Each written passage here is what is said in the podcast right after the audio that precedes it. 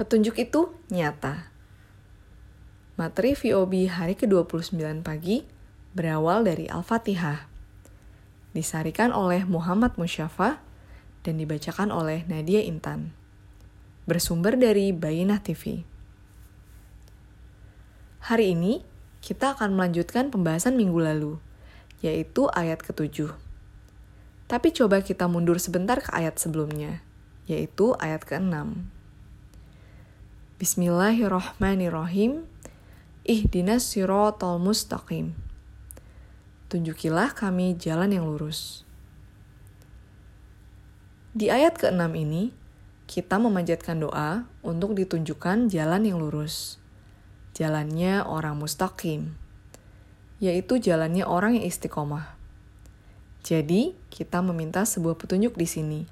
Kita meminta sebuah guidance. Sering kita mengucapkan surat Al-Fatihah. Secara sadar atau tidak, kita telah berulang-ulang berdoa meminta petunjuk. Dan barangkali sampai saat ini kita masih menunggu. Kita masih kebingungan, di mana petunjuk itu? Atau bisa jadi bentuk petunjuk ini masih sangat abstrak dalam benak kita. Jika pembaca menyimak artikel pembahasan surat Al-Baqarah, di situ dijelaskan bahwa inilah Al-Quran, petunjuk itu. Disebutkan di Al-Baqarah ayat 2. Itulah buku Al-Quran yang tidak ada keraguan di dalamnya, petunjuk bagi orang-orang yang bertakwa. Jadi apa petunjuknya? Apa guidance yang kita cari selama ini? ya, Al-Quran.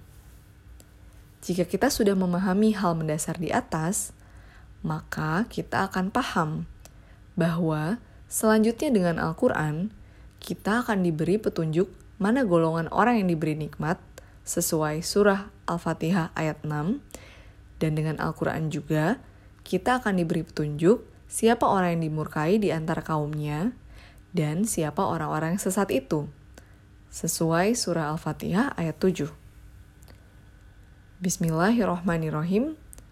Sirotol ladzina an'amta alaihim qairil maghdubi alaihim waladolin.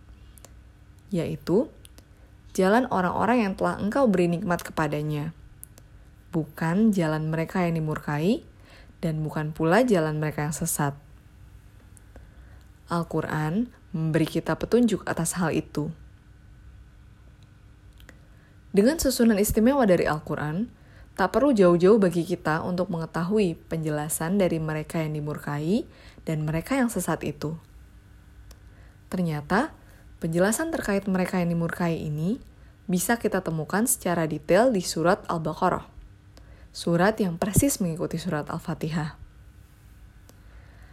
Lalu penjelasan terkait mereka yang sesat bisa kita temukan secara detail di surat Ali Imran, surat yang mengikuti Al-Baqarah. Jadi secara urutan, surat Al-Fatihah diikuti dengan surat Al-Baqarah, lalu dilanjutkan dengan surat Ali Imran.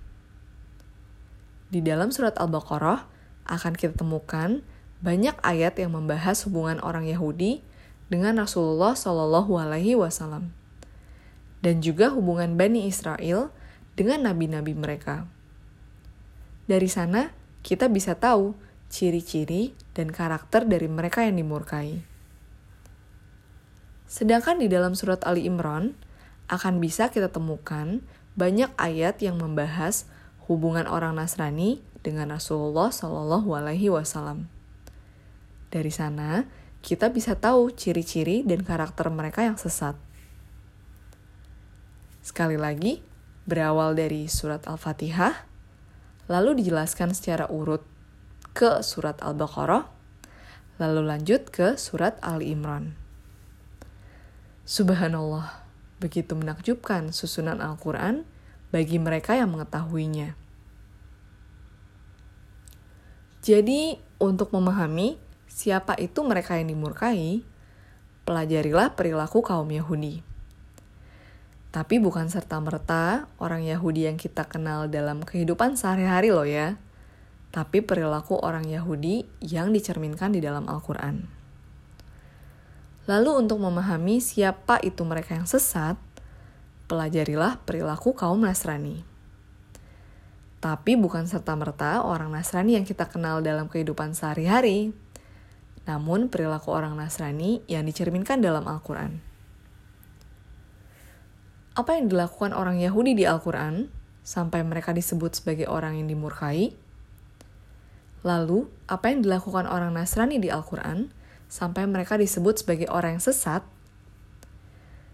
Dengan Al-Quran, Allah Subhanahu wa Ta'ala telah menunjukkan kepada kita mana jalan yang baik. Dengan Al-Quran, Allah Subhanahu wa Ta'ala telah menunjukkan pula pada kita mana jalan yang buruk. Untuk menilai apakah jalan yang kita lewati baik atau buruk, maka kita bisa membandingkannya dengan jalan yang dipilih oleh kaum Yahudi dan Nasrani di Al-Quran. Apakah jalan yang kita tempuh sama ciri-cirinya dengan jalan yang mereka lalui atau tidak?